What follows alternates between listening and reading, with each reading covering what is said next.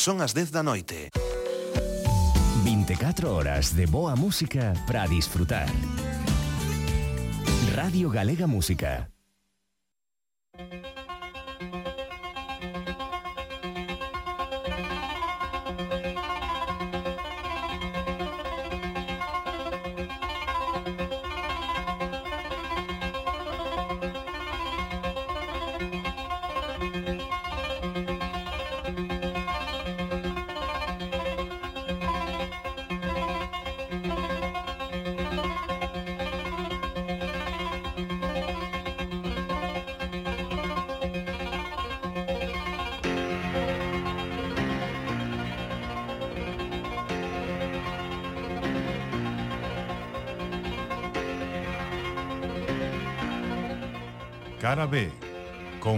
De Lorenzo.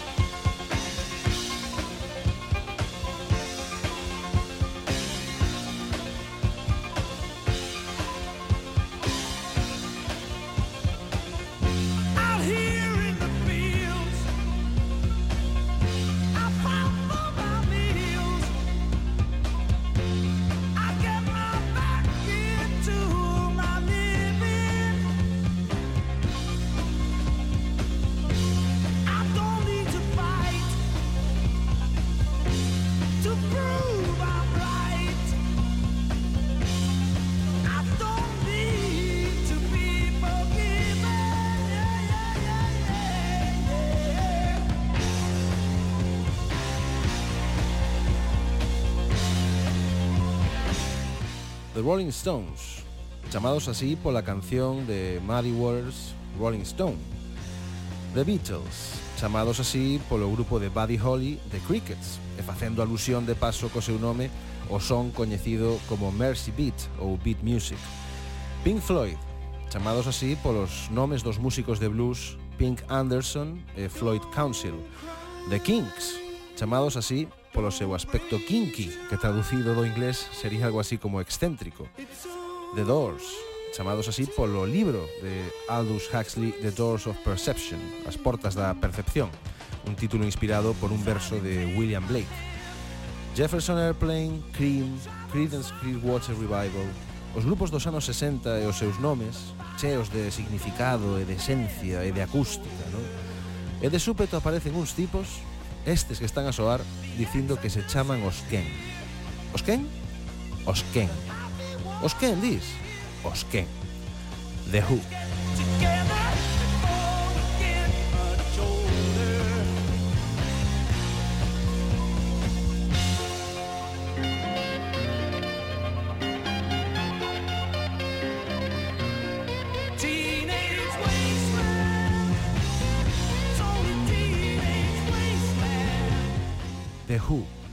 o nome que non é un nome.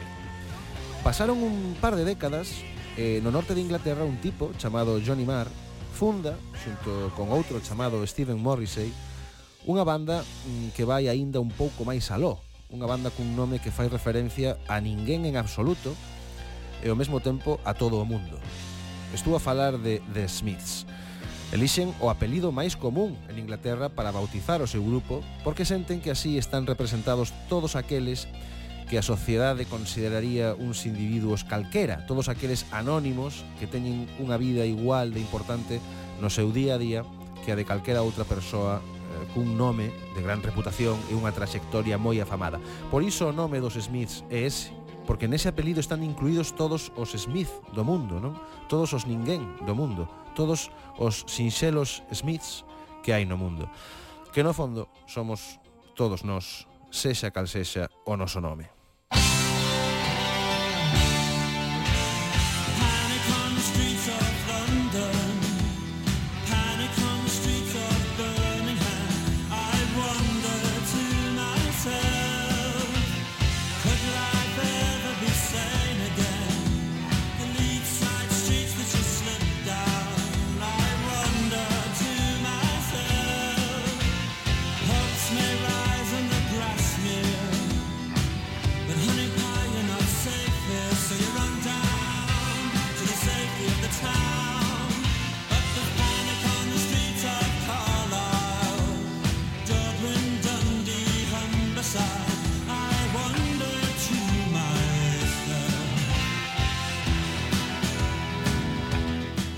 Foi uns 10 anos despois dos Smiths cando apareceu outra banda que tiña un nome formado por un dos apelidos máis típicos e frecuentes que hai en castelán.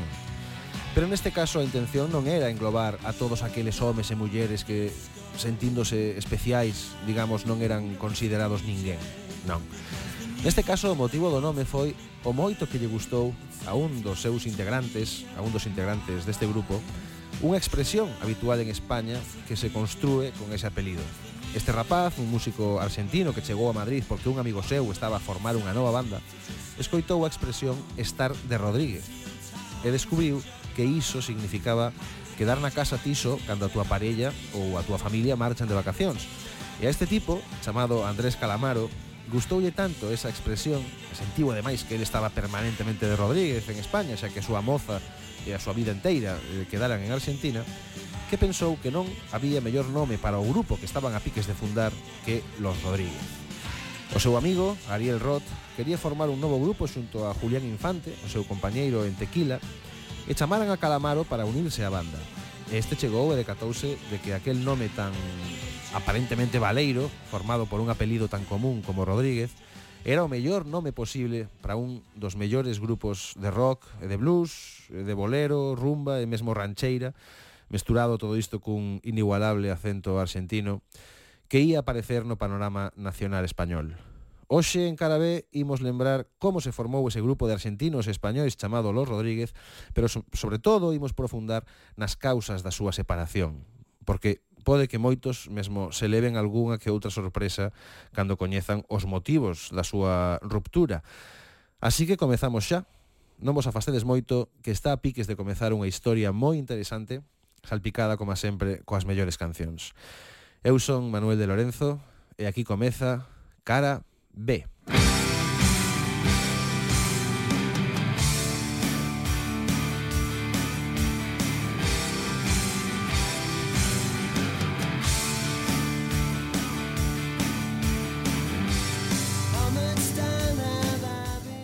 como estaba a dicir, imos comezar polos orixes da banda, que penso que son ben curiosos, para despois avanzar un pouco no tempo e chegar ata a súa disolución. Pero antes, xa que levo un borrato falando eu, e por se alguén non se lembra ben de que música facían os Rodríguez e da enorme calidade das súas letras, imos escoitar a primeira das cancións deste grupo de todas as que van soar no programa de hoxe. Todavía unha canción de amor.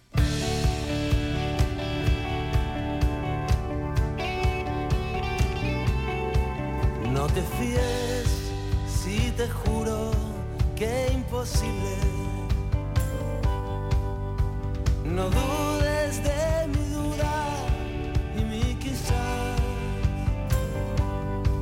El amor es igual que un imperdible. Perdido en la solapa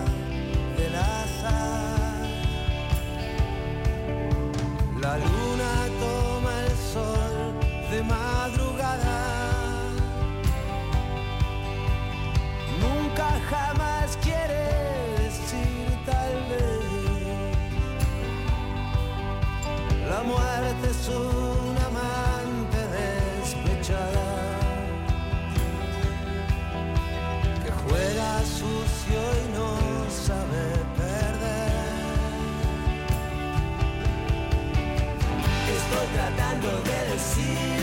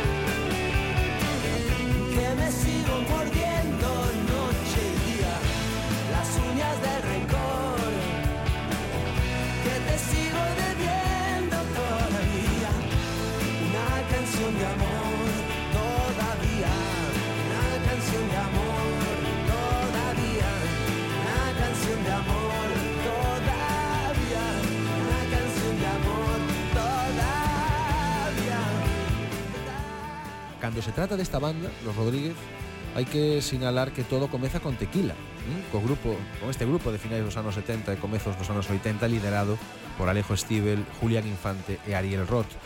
Os dous argentinos, Roth e Stivel, vivían en España porque as súas familias fuxiran da ditadura argentina. Julián Infante era natural dun pequeno pobo de Castela e vivía en Madrid. A banda fora unha das que máis éxito tivera nos primeiros anos da democracia, incorporando un rock and roll máis anglosaxón ao panorama español, pero chegou un momento no que as drogas fixeron estragos no grupo e decidiron que tiñan que parar, non? En plena movida madrileña. Tiñan que limparse cousa que por certo lograron facer todos menos Julián, menos Julián Infante, pero a iso chegaremos máis tarde.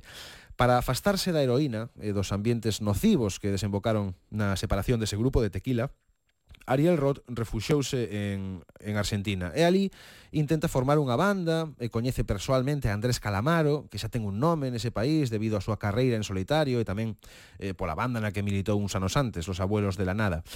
Un día, Julián Infante decide poñerse en contacto con Ariel Roth porque ten un posible proxecto entre mans.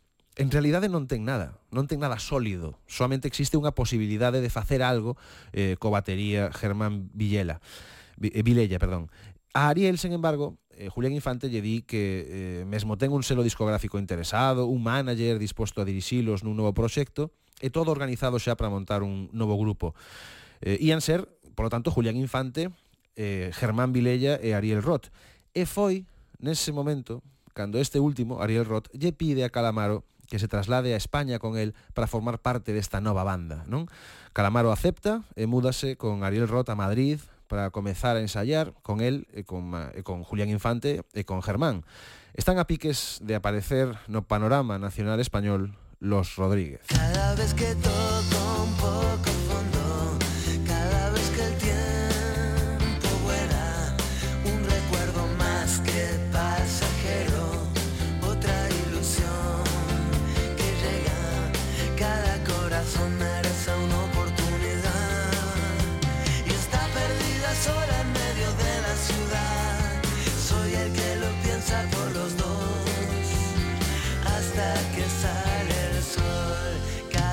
sensación o sentir vulgar, una sola cosa, un solo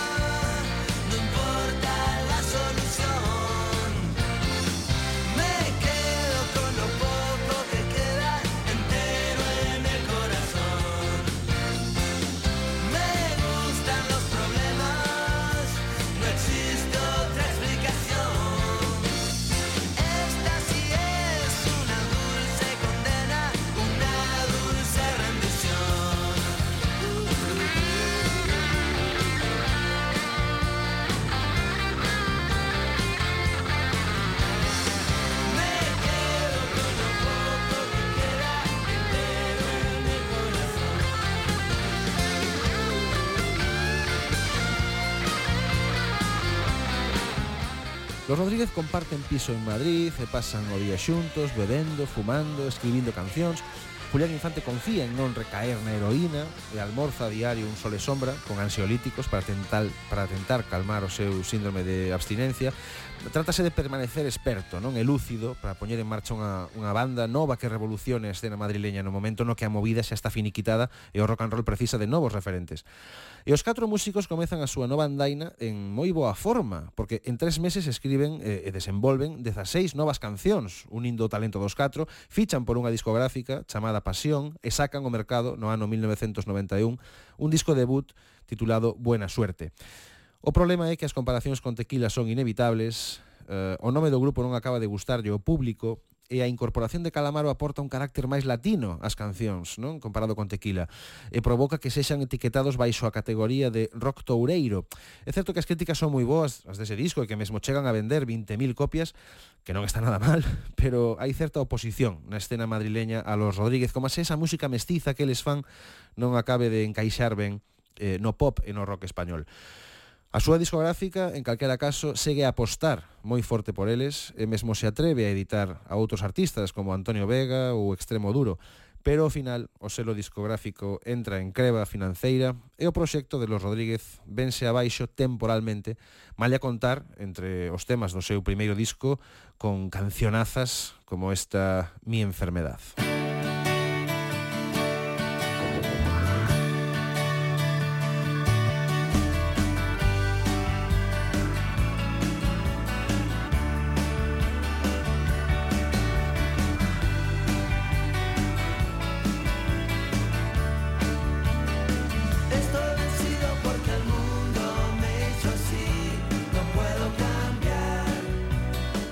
Soy el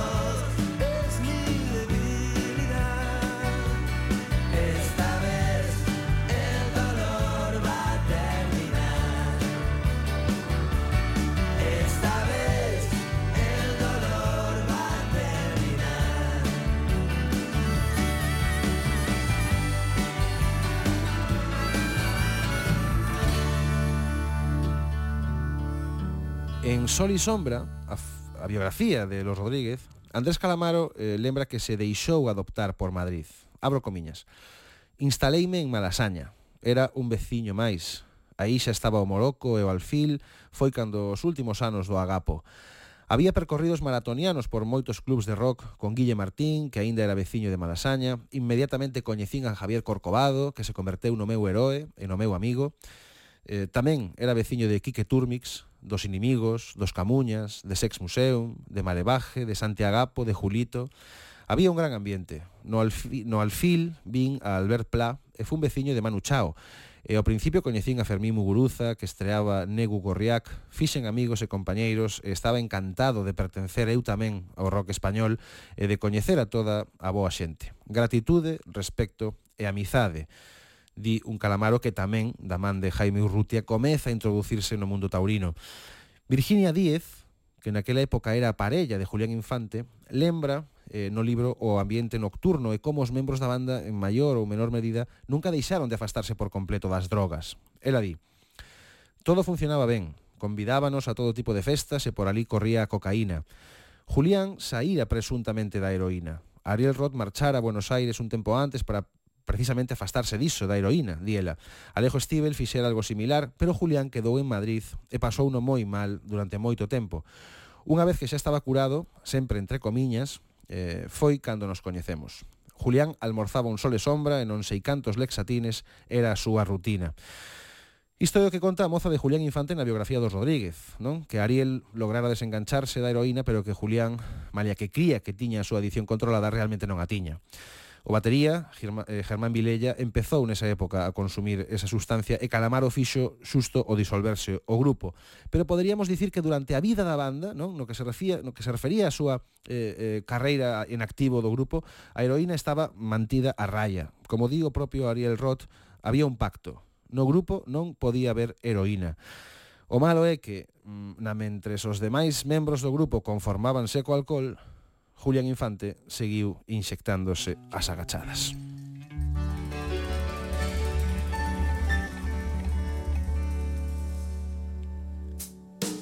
Brindo por las mujeres que derrochan simpatía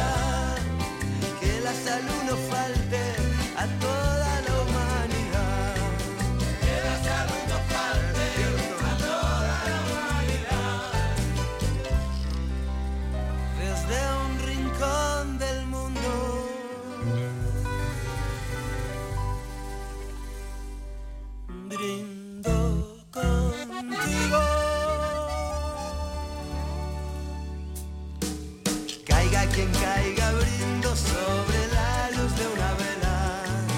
Toda la noche brindo y que la mañana venga. No es un momento triste, ya que brindo con amigos. Brindo por el futuro, con la noche de testigo. Brindo por el futuro, con la noche de testigo. Si alguna vez no brindo, siquiera por tonterías con silencio.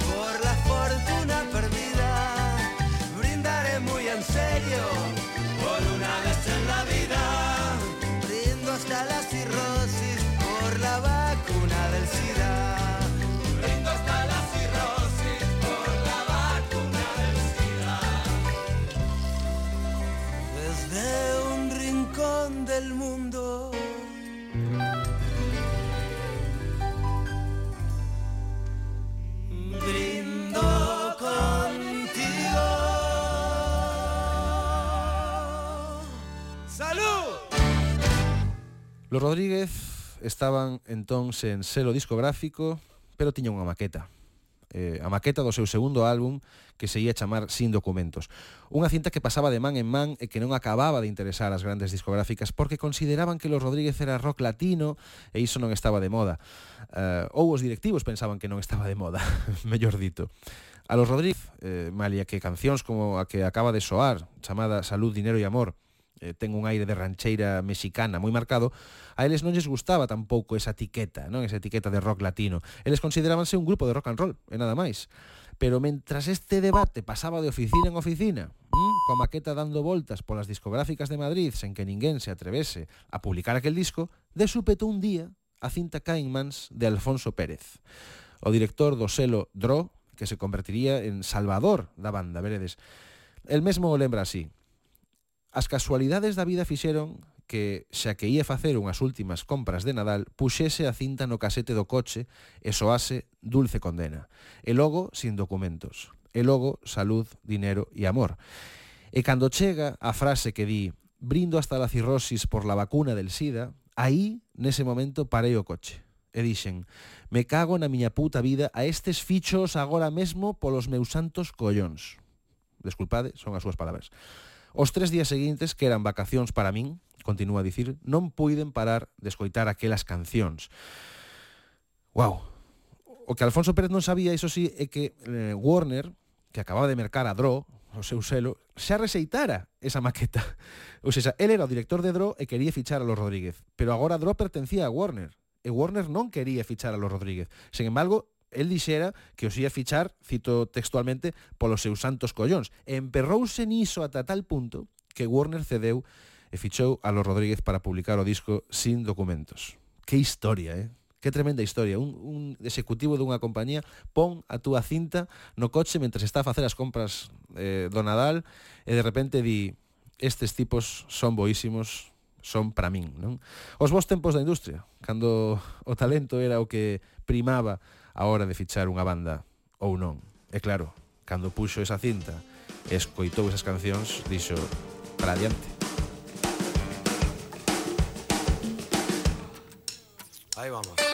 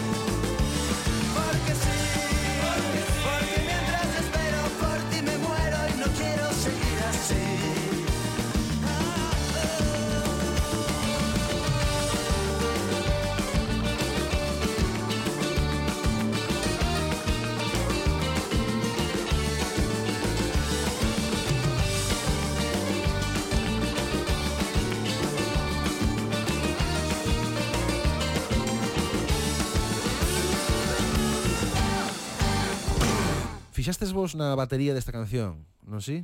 Ese ritmo tan percusivo, tan repetitivo e lixeiro. Eh, sempre pensei que esta batería fai da canción eh, o éxito que foi. Eh? Porque a mesma canción cun ritmo típico de 4x4 máis cansado, non máis ortodoxo, seguramente non sería tan vibrante. E o certo é que foi iso o que aconteceu exactamente con esta canción, tal e como explica Germán Vilella, o batería, di así. Era a canción que menos me gustaba. ¿Mm? A min íame o rock. Encántame o flamenco, os paus hondos, pero a rumba Nesta época pasaba moito tempo, ademais de con Antonio Flores, cos Navajita Plateá, os Ketama, e eu tocaba o caixón nas festas e todo iso, pero a rumbita fácil non me gustaba nada. Entón chegaron estes, con este tema, e o que fixen foi meterlle un ritmo de rockabilly a esa rumba. E foi a fórmula que funcionou. Foi unha casualidade, eu estaba farto de rumbitas, e deume por facer ese ritmo. Sen máis, que importante, eh? eh Que importante a percusión nunha canción, definitivamente. De feito, eh, sin documentos catapultou a los Rodríguez. Mm, foi, foi a canción do verán do ano 1993 O grupo, claro, comeza a dar centos de concertos por toda España Naquela época eh, na que había cartos, non? E nos concellos contrataban grupos de rock and roll para as festas patronais E podías ver no teu povo a bandas que de outro xeito sería imposible Como los Rodríguez ou eh, Héroes del Silencio ou que sei eu Ariel Roth, Andrés Calamaro, Julián Infante e Germán Vilella atópanse, polo tanto, nese ano no máis alto do panorama musical nacional e teñen un contrato cunha potentísima discográfica como é Warner. Comezan a escribir e a dar forma ás cancións que se incluirán no seu terceiro álbum de estudio, titulado Palabras Más, Palabras Menos. Todo avanza, mmm, por resumir, a pedir de boca, e a banda consolídase como unha das propostas de rock nacional máis estables de toda a escena. Non A vida continúa, o grupo continúa, os éxitos continúan, ata que, como acontece case sempre que a convivencia é tan intensa, eh, comezan a aparecer as primeiras fisuras no grupo.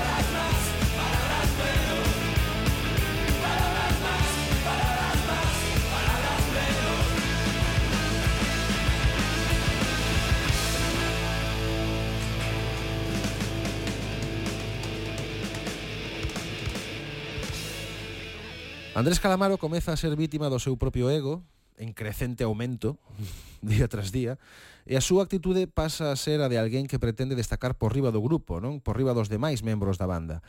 Cando dixo, por exemplo, que era máis famoso que o presidente da Argentina, e porque realmente el críase o cidadán máis importante do seu país natal. E no fondo, o único que había detrás desa conducta era o seu interese por aproveitar a inercia e rescatar a súa carreira en solitario, non? xa que el consideraba que o seu talento como músico e compositor era superior ao do resto dos seus compañeiros xuntos. Claro, por outra banda, Julián Infante non quería admitir que era xeropositivo e seguía coa súa particular autodestrucción a base de drogas duras e hábitos moi perigosos No medio de todo aquilo estaban Germán, Germán Vilella, eh, que tamén comezara a consumir heroína, igual que o faría Calamaro, e Ariel Roth, que era un pouco como Ringo, non? no medio das disputas dos demais Beatles, ata que Calamaro eh, decidiu que el debía gañar máis cartos que os demais e a cousa sí que xa se foi definitivamente o carallo. A proposta de Calamaro era a modificación das porcentaxes de ganancias de cada un dos membros da banda, pasando de ser do 25% cada un un reparto equitativo, porque eran catro, a repartirse do seguinte xeito. El, Calamaro, ingresaría o 40% dos beneficios do grupo. Ariel Roth quedaríase co 30%. Julián Infante tería o 20%. E o batería, Germán Vilella, tiña que conformarse co 10%. Isto mm, podería atopar xustificación en que a maioría das cancións eran da autoría de Calamaro e que el era o cantante principal e tamén un pouco a imaxe da banda xunto con Ariel, pero o certo é que, uh, malia que no fondo, ata podería ser xusto eh, repartir así os cartos, eu non son quen para xulgalo, pero esta clase de cousas sempre acaban provocando un clima de tensión uh, que remata coa disolución dos grupos en, en, en non, non sei, en case todos os casos que eu coñezo. O de Calamaro, sen embargo, foi un ultimátum. Ou sexa, era aceptar ese reparto ou el deixaba a banda. E os seus compañeiros non tiveiro, non tiveron máis remedio que aceptar, malia que fora Julián Infante o que chamara a Ariel Roth para fundar un novo grupo, eh? Pois non, Calamaro saíase agora coa súa. No libro Sol e Sombra, o músico argentino dio o seguinte sobre este asunto. É algo que recoñezo como un erro pola miña banda, expor iso sen ningunha necesidade. Foi a miña principal equivocación, quizáis motivado polos estados de ánimo, que non serven para nada. Eu non merecía máis que os demais. Sinceramente, extraño estar nun grupo como los Rodríguez. Son máis músico de rock que cantante. Quizáis esperaba maior independencia creativa, pero con los Rodríguez tiñamos todo. Non faría algo así agora mesmo. Pídolle perdón aos meus compañeiros. Iso é o que di Andrés Calamaro agora, nos tempos actuais, pero naquel momento, a mediados dos anos 90, aquela reivindicación económica súa, sumada a súa actitude egoísta e os seus delirios de grandeza, así como os problemas que tiñan coas drogas tres dos membros da banda tamén, supuxo o fin de Los Rodríguez.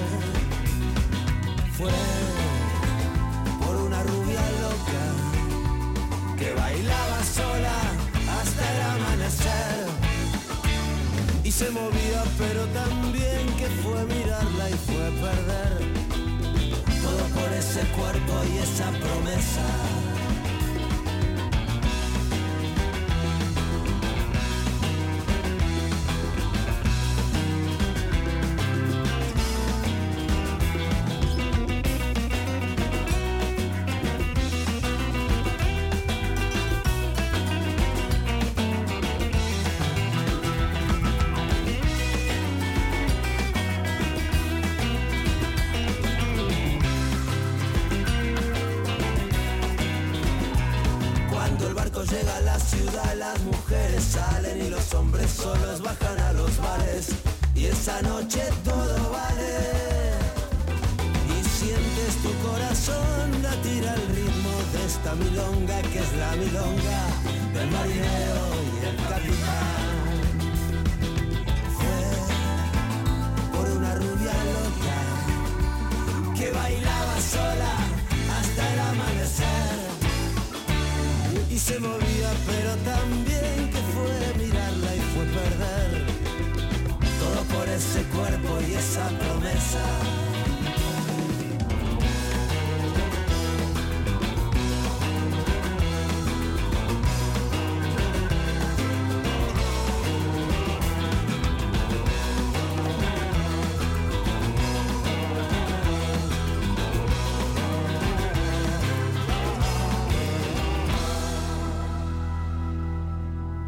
Restaban xa por dar os derradeiros coletazos da banda. Sabina rexeita participar na xira El gusto es nuestro con Víctor Manuel, Ana Belén, Serrat e Miguel Ríos porque o que quere é irse de xira cos Rodríguez. E aquel, a, aquela serie de concertos sería o maior impacto que chegaría a ter a banda en directo, curiosamente, xusto cando as cousas estaban peor entre os membros do grupo. Deciden publicar un disco recompilatorio no ano 1996, titulado Hasta luego, pero nese momento o grupo xa estaba roto. O éxito de vendas do álbum deste disco recopilatorio é enorme, pero a pesar diso, los Rodríguez anuncian a súa separación. Calamaro xa ten no forno o seu novo disco en solitario, titulado Honestidad Brutal, en aquel momento ata viña lle ben, non que los Rodríguez non lle restasen tempo o seu proxecto persoal. Hoxe lembra aqueles anos con nostalgia e certo sentimento de culpabilidade, penso eu, así o conta en Sol e Sombra. Di, Na adversidade, a enfermidade e as adiccións disolvémonos porque era mellor non seguir como estábamos. Nunca rematei de agradecer a Ariel e os meus compañeiros a forma en que me trataron en Madrid. Deronme casa e apartáronme da posibilidade dos vicios caros e moi perigosos. O meu éxito persoal foi case inmediato, pero a semente da autodestrucción estaba plantada como unha mina antipersoa enterrada esperando a que a pisen. É certo que a día de hoxe se fala da posible reunión de los Rodríguez, e hai moi boa relación, de feito, pese a todo, entre Ariel Rote, Andrés Calamaro, e mesmo con Germán Vilella, pero hai algo que imposibilita que los Rodríguez reaparezan algún día no panorama musical nacional porque o músico que fundou a banda, o que tivo a idea de xuntarse de novo con Ariel Roth como en Tequila, falecía 4 anos despois da separación de los Rodríguez, no ano 2000, víctima da sida. E iso, moito me temo, xa non hai quen o arranxe. Aturdido y abrumado por la duda de los celos se ve triste en la cantina un bohemio ya sin fe, con los nervios destrozados y llorando sin remedio, como un loco atormentado por la ingrata que se fue, se ve siempre acompañado del mejor de los amigos, que le acompaña y le dice ya está bueno de licor. Nada remedia con llanto, nada remedia con vino, al contrario la recuerda mucho más su corazón. Una noche como un loco, mordió la copa de vino y le hizo un cortante filo que su boca destrozó y la sangre que brotaba confundióse con el vino y en la cantina este grito a todos se estremeció. No te apures compañero, si me destrozo la boca, no te apures que yo quiero con el filo de esta copa borrar la huella de un beso traicionero que me dio. Mozo, sírveme la copa rota, sírveme que me destroza esta fiebre de obsesión. Mozo, sírveme una copa rota, quiero sangrar gota a gota el veneno de su amor.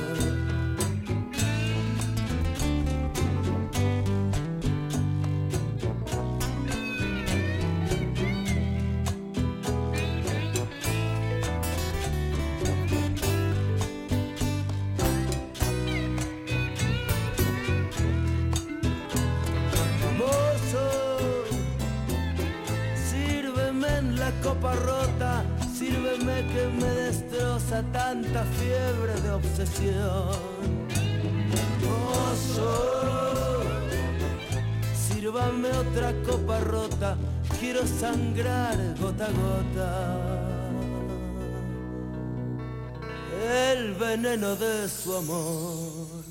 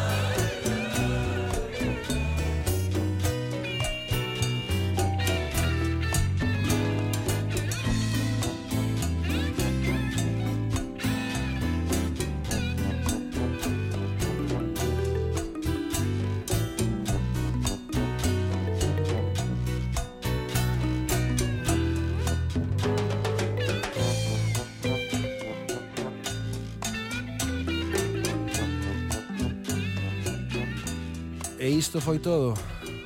Nada máis. Ata aquí este programa de hoxe adicado á separación de los Rodríguez, a súa fundación tan curiosa, pero tamén e sobre todo a súa separación.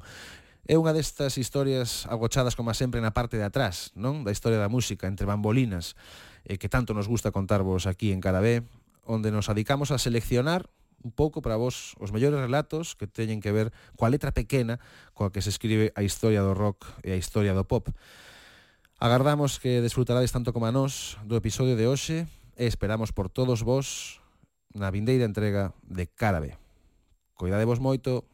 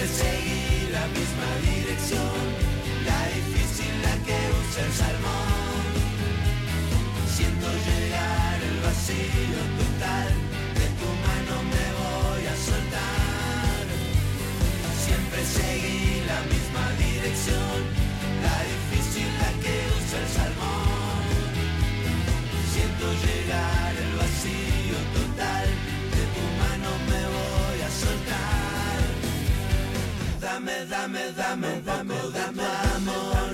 Yo a cambio te ofrezco una montaña de horror. Dame, dame, dame un poco de tu amor. Dime, dime, dime. Me llegó una carta que me dice bien. No tienes remitente, déjame de joder. Cara B, con Manuel de Lorenzo.